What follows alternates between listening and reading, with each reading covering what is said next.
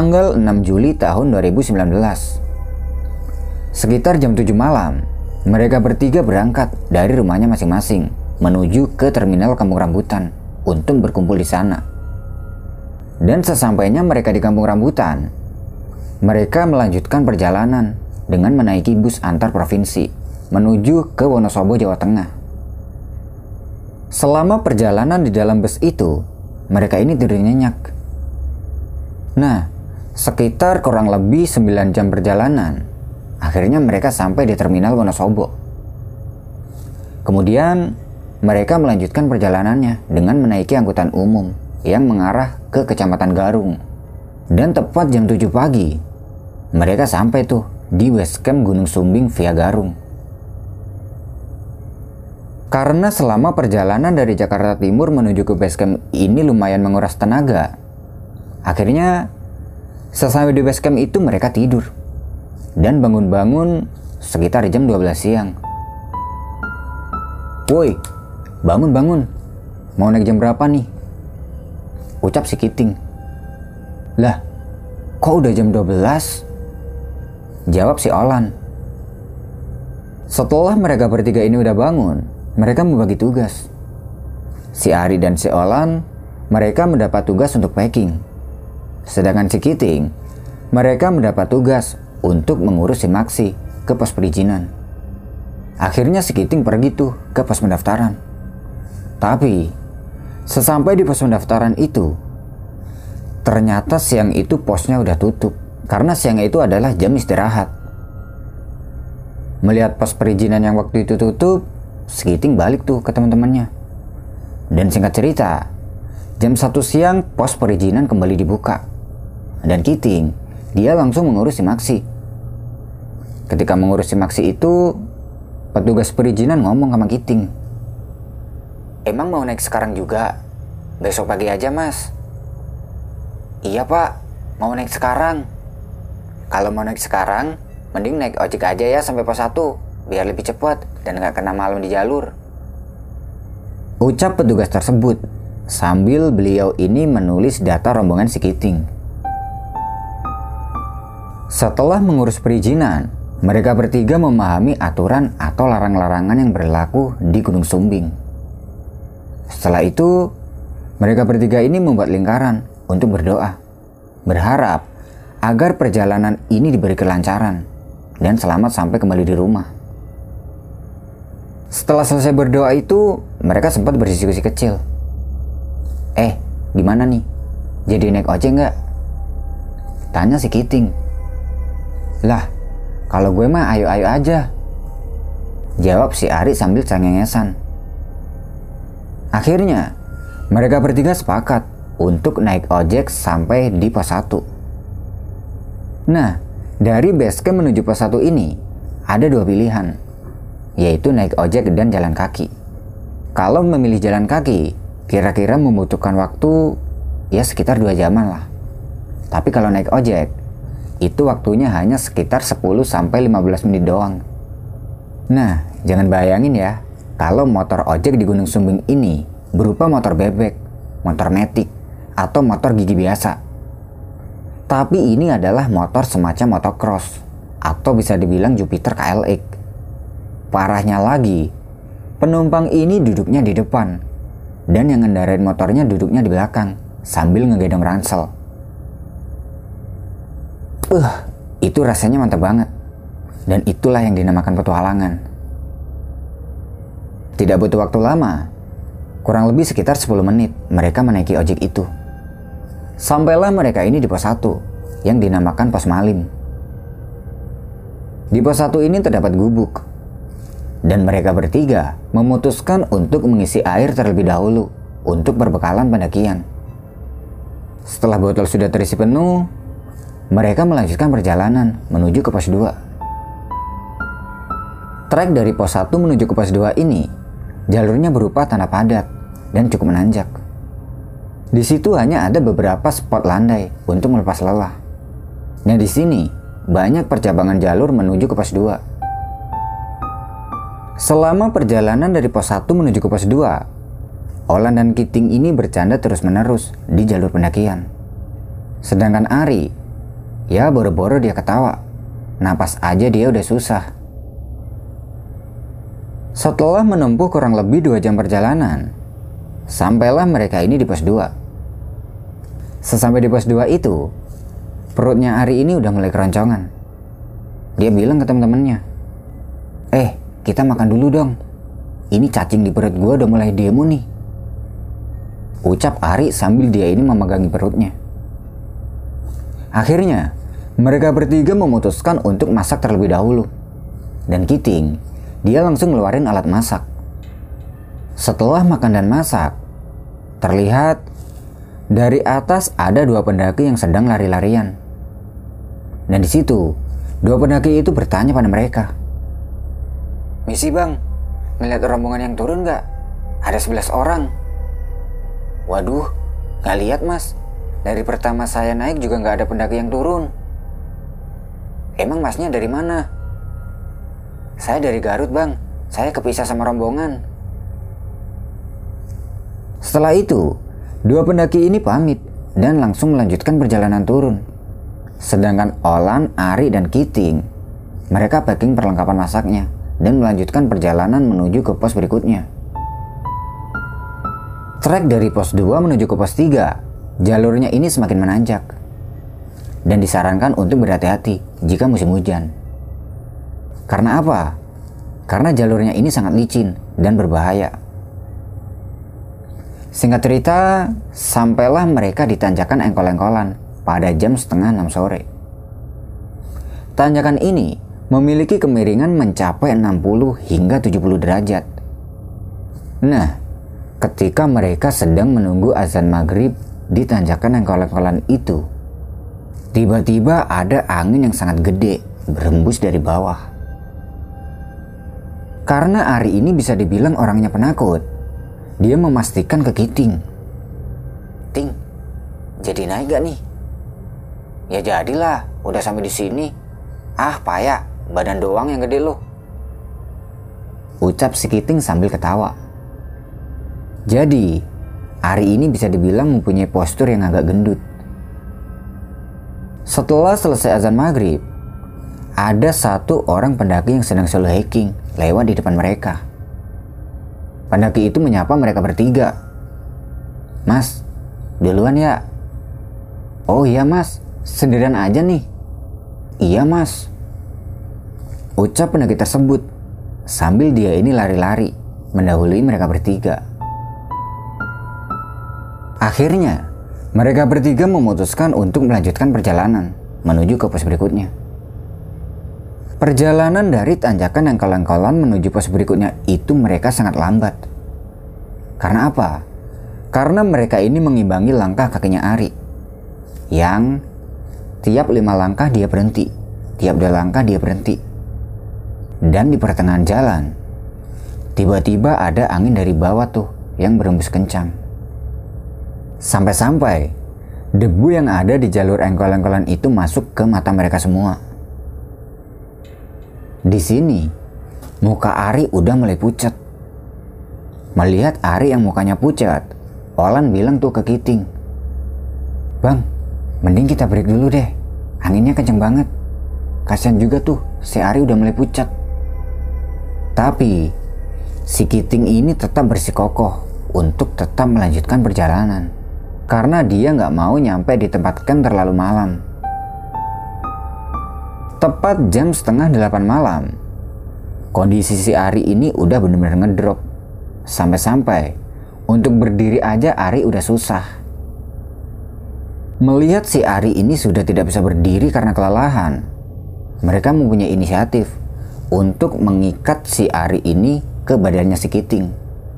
Dan si Olan, dia mendorongnya dari belakang Kalian bisa bayangin sendiri tuh. Kiting, dia ini narik si Ari. Dan Olan, dia ngedorong si Ari. Jadi udah kayak sapi-sapian gitu. Mereka bertiga terus berjalan dengan posisi seperti itu. Dan lama-kelamaan, angin ini semakin kencang. Dan Olan, dia bilang lagi ke Kiting untuk yang kedua kalinya. Bang, kita break dulu lah.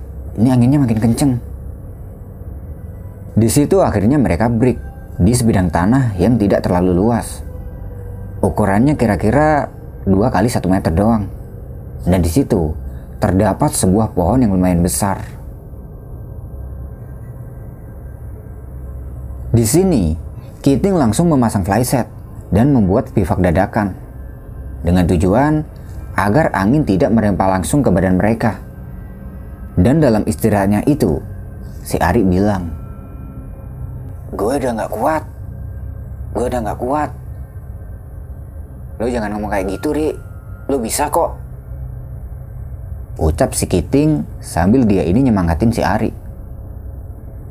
Di situ Kiting masak bihun untuk makan malam mereka bertiga. Nah, ketika sedang masak itu, tiba-tiba ada bunyi seperti gemuruh. Tapi anehnya, saat itu tidak ada angin sama sekali. Karena penasaran, Kiting langsung keluar dari flyset sambil ngeliatin sekitar. Ketika dia ngeliatin sekitar, si Kiting melihat ada dua mata center. Melihat ada dua mata center itu, si Kiting langsung meniup fluid SOS sambil dia teriak. Bang, masih jauh nggak? Gua di bawah nih. Woi bang. Satu kali teriakan, dua kali teriakan, sampai tiga kali teriakan. Namun tidak ada jawaban. Karena mungkin teriakan si Kiting ini kurang keras dan tidak kedengaran sampai ke atas. Akhirnya, si Kiting mengarahkan headlampnya ke arah dua mata senter tadi. Tidak lama kemudian, dua mata senter itu turun ke arah Kiting. Makin dekat, makin dekat, dan dua mata senter itu berpencar ke arah semak-semak dan berubah menjadi warna merah, layaknya seperti mata. Melihat kejadian aneh itu, Kiting langsung masuk lagi ke dalam flyset dan bilang, Wah, ini udah gak bener. Kita turun sekarang juga. Yakin lu mau turun, Ting? Itu tanggung. Bentar lagi sampai di tempat camp. Jawab si Olan sambil dia menenangkan keadaan. Setelah kejadian tersebut, mereka bertiga ini diem-dieman tanpa ada obrolan satu kata pun. Ri, lo udah mendingan. Lanjut lagi yuk, semangat. Udah Lan, ya udah ayo. Akhirnya, mereka bertiga mempacking perlengkapan masak dan menggulung flyset. Dan setelah semua itu sudah terpacking, mereka melanjutkan perjalanan menuju ke pos berikutnya. Posisi saat itu, Kiting ada di barisan paling depan, disusul oleh Olan dan Ari di paling belakang. Dan sekitar 10 menit setelah mereka berjalan meninggalkan tempat istirahatnya tadi, tiba-tiba mereka mendengar ada suara yang ketawa. Mendengar itu, Olan langsung menoleh ke belakang. Ketika menoleh ke belakang, Olan melihat Ari yang sepertinya dia sedang mencari sesuatu. Sepertinya Ari juga mendengar suara ketawa tadi. Karena tiba-tiba Olan dan Ari ini diem dan gak jalan, si Giting bertanya, Eh, lo berdua ngapain diem? Ayo lanjut jalan. Akhirnya, Ola dan Ari tidak menghiraukan suara tersebut. Mereka berdua lanjut berjalan lagi, dan kali ini mereka bertukar posisi. Olan di belakang dan Ari di tengah. Di tengah-tengah perjalanan itu, mereka bertiga dikagetkan dengan pohon yang barusan mereka gunakan untuk istirahat tadi. Yang artinya, pohon tersebut seharusnya sudah tidak terlihat lagi. Dan ketika Olan melihat jam yang ada di tangannya, ternyata waktu sudah menunjukkan jam 10 malam. Ini benar-benar gak beres. Ini berasa lama, seperti diputer-puterin. Ucap Olan dalam hati. Akhirnya, mereka bertiga memutuskan untuk istirahat lagi di pohon tersebut. Dan ketika Olan akan duduk, dia sempat ngelirik ke arah jalur kanan pendakian. Ternyata Di situ ada sosok yang tinggi besar dan banyak banget. Awalnya Olan mengira bayangan itu adalah bayangan dari pohon-pohon. Tapi sepertinya itu tidak mungkin. Karena apa? Karena di jalur engkol-engkolan itu tidak ada pohon yang tinggi dan gede. Dan malam itu kondisinya terang bulan. Tapi di lokasi Olan melihat sosok tinggi besar itu, di situ benar-benar gelap. Jadi di situ seperti ada dua sisi.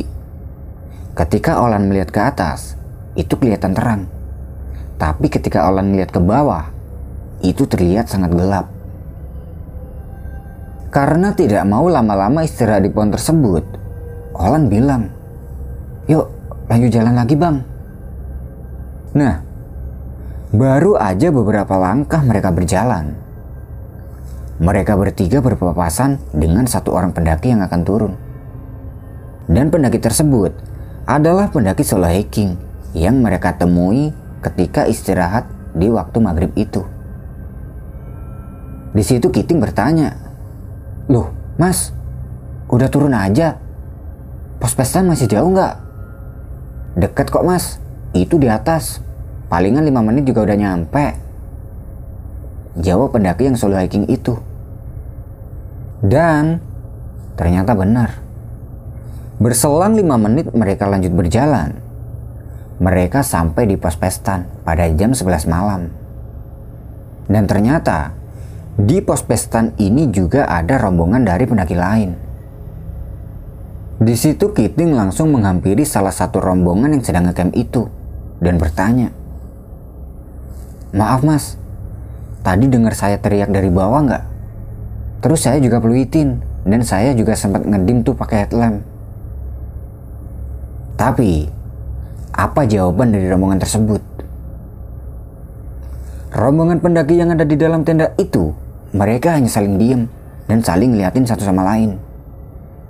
Nah, sekitar dua menit tanpa ada omongan, salah satu dari pendaki tersebut ngejawab, Eh, maaf mas, dari tadi kami di dalam tenda dan gak keluar sama sekali, apalagi dengerin masnya teriak. Mendengar jawaban dari dua pendaki tersebut, Kiting kebingungan. Lalu Dua mata senter yang ngebalas dim dari headlamp Kiting itu siapa? Akhirnya, Olan, Kiting, dan Ari langsung mencari spot untuk mereka mendirikan tenda. Setelah menemukan tempat yang dirasa nyaman, Kiting langsung mendirikan tendanya di situ sambil dibantu Olan. Sedangkan Ari, dia cuma duduk. Setelah tenda sudah berdiri, mereka bertiga langsung masuk ke dalam tenda dan tidak makan. Karena tadi pas istirahat mereka udah sempat makan. Setelah mereka bertiga sudah ada di dalam tenda, si Ari ngeluh lagi. Ting, gue nggak kuat ting, gue pengen turun. Ya udah deh, besok kita turun. Sekarang lu istirahat aja ya. Ucap Kiting sambil dia nenangin si Ari. Akhirnya, Ari langsung ngambil sleeping bagnya, kemudian dia tidur. Sedangkan Olan dan Kiting, mereka berdua saling mengobrol, membahas tentang keanehan di jalur pendakian tadi. Lo ngerasa nggak sih Lan, kalau pas di jalur tadi ada yang aneh? Udah-udah, jangan diomongin di sini. Ini masih kawasan mereka. Nanti aja ngebahasnya kalau pas udah di bawah. Setelah 30 menit, Kiting dan Olan ngobrol ngalor ngidul. Mereka kemudian tidur. Posisi tidur saat itu, Ari di sebelah kanan, Kiting di tengah, dan Olan di sebelah kiri. Dan saat itu, di bagian kaki mereka ini ada ransel yang ditumpuk. Nah, baru aja 30 menit mereka rebahan. Tiba-tiba si Kiting merasa kalau kakinya ada yang narik dari luar tenda. Hingga Kiting ini pegangan baunya si Olan. Di sini Olan kaget dan dia langsung bangun. Eh, kenapa lu bang? Gak apa-apa Lan. Jawab si Kiting sambil dia membenarkan posisi tidurnya lagi. Setelah kejadian itu, Kiting dan Olan kembali melanjutkan tidurnya. Singkat cerita, pagi pun tiba. Awalnya, niat mereka bertiga ini akan pergi ke puncak pada jam 4 pagi. Tapi apalah daya, mereka bertiga bangunnya pada jam 7 pagi. Woi, bangun-bangun. Mau pada ke puncak gak nih? Ucap si Kiting membangunkan Olan dan Ari. Aduh, gue kayaknya gak ikut deh bang. Badan gue remuk-remuk dan sakit semua. Ucap si Olan sambil dia megangin pundaknya. Akhirnya, hanya Kiting dan Ari yang pergi ke puncak. Sedangkan Olan, dia lebih memilih untuk berdiam di tenda dan menunggu mereka. Setelah kurang lebih satu jam kemudian, Kiting dan Ari turun tuh dari puncak dan kembali ke tenda. Dan di sini Olan kaget. Karena apa? Itu nggak mungkin banget. Dalam waktu satu jam, dua temannya ini udah naik turun dari puncak. Gue nggak jadi ke puncak, Lan. Si Ari jatuh kepleset di pasar watu. Ucap si Kiting sambil dia ngos-ngosan. Ya udah deh kalau gitu. Kita mau langsung turun aja atau gimana, Bang? Tanya si Olan. Nanti aja dulu, kita santai-santai aja. Kita ini kurang istirahat. Jawab si Kiting. Di situ, mereka memutuskan untuk pergi ke warung yang ada di pos pestan itu. Tidak lama kemudian, datanglah empat orang sambil ngebawa hati semua. Dan ternyata, mereka berempat itu adalah tim ranger. Di situ mereka bertiga ngobrol sama tim ranger itu. Dan tiba-tiba tim ranger tersebut membuka omongan. Kemarin malam saya baru aja evakuasi 11 pendaki dan pendaki itu lumpuh semua. Seketika itu, Kiting ingat akan kejadian kemarin saat ketemu dua pendaki asal Garut. Yang pendaki itu menanyakan keberadaan rekannya yang berjumlah 11 orang itu. Apa jangan-jangan yang dimaksud rombongan dari Garut Ucap Kiting dalam hati saat itu. Nah, ketika Kiting sedang mengingat-ingat kejadian yang kemarin malam, tiba-tiba pikirannya buyar ketika salah satu tim ranger bertanya pada Kiting. Emang sampean pada naik kapan? Naik kemarin malam, Mas. Loh, kok nggak ketemu kita ya? Mungkin beda jalur kali, Mas. Oh, nggak mungkin. Kita evakuasi 11 pendaki Rombongan kami empat orang, total 15 orang, dan pakai helm semua. Otomatis terang banget. Ucap salah satu ranger tersebut. Di sini, Olan, Ari, dan Kiting. Mereka bertiga saling ngelirik. Sambil mereka mengingat-ingat tentang kejadian saat ketemu lagi sama pohon yang mereka lewati.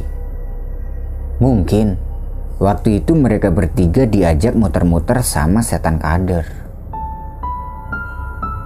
Singkat cerita, setelah ngobrol banyak dengan tim ranger itu, tepat jam 1 siang, mereka bertiga memutuskan untuk turun menuju ke base camp. Tapi, ketika mereka sampai di jalur engkol-engkolan, tiba-tiba angin gede banget dan juga hujan. Karena di lokasi tersebut tidak ada tempat untuk berteduh dan untuk meminimalisir resiko. Akhirnya mereka memutuskan untuk kembali ke pos pestan dan memilih untuk mendirikan tenda sambil nunggu hujan reda. Kim gak kuno bolak-balik kan nyata gak? Ternyata, oh ternyata, oh ternyata. Ser.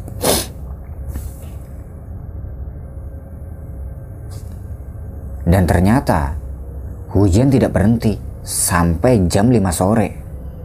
Jadi mau tidak mau, mereka harus bermalam di situ lagi dan turun besok pagi.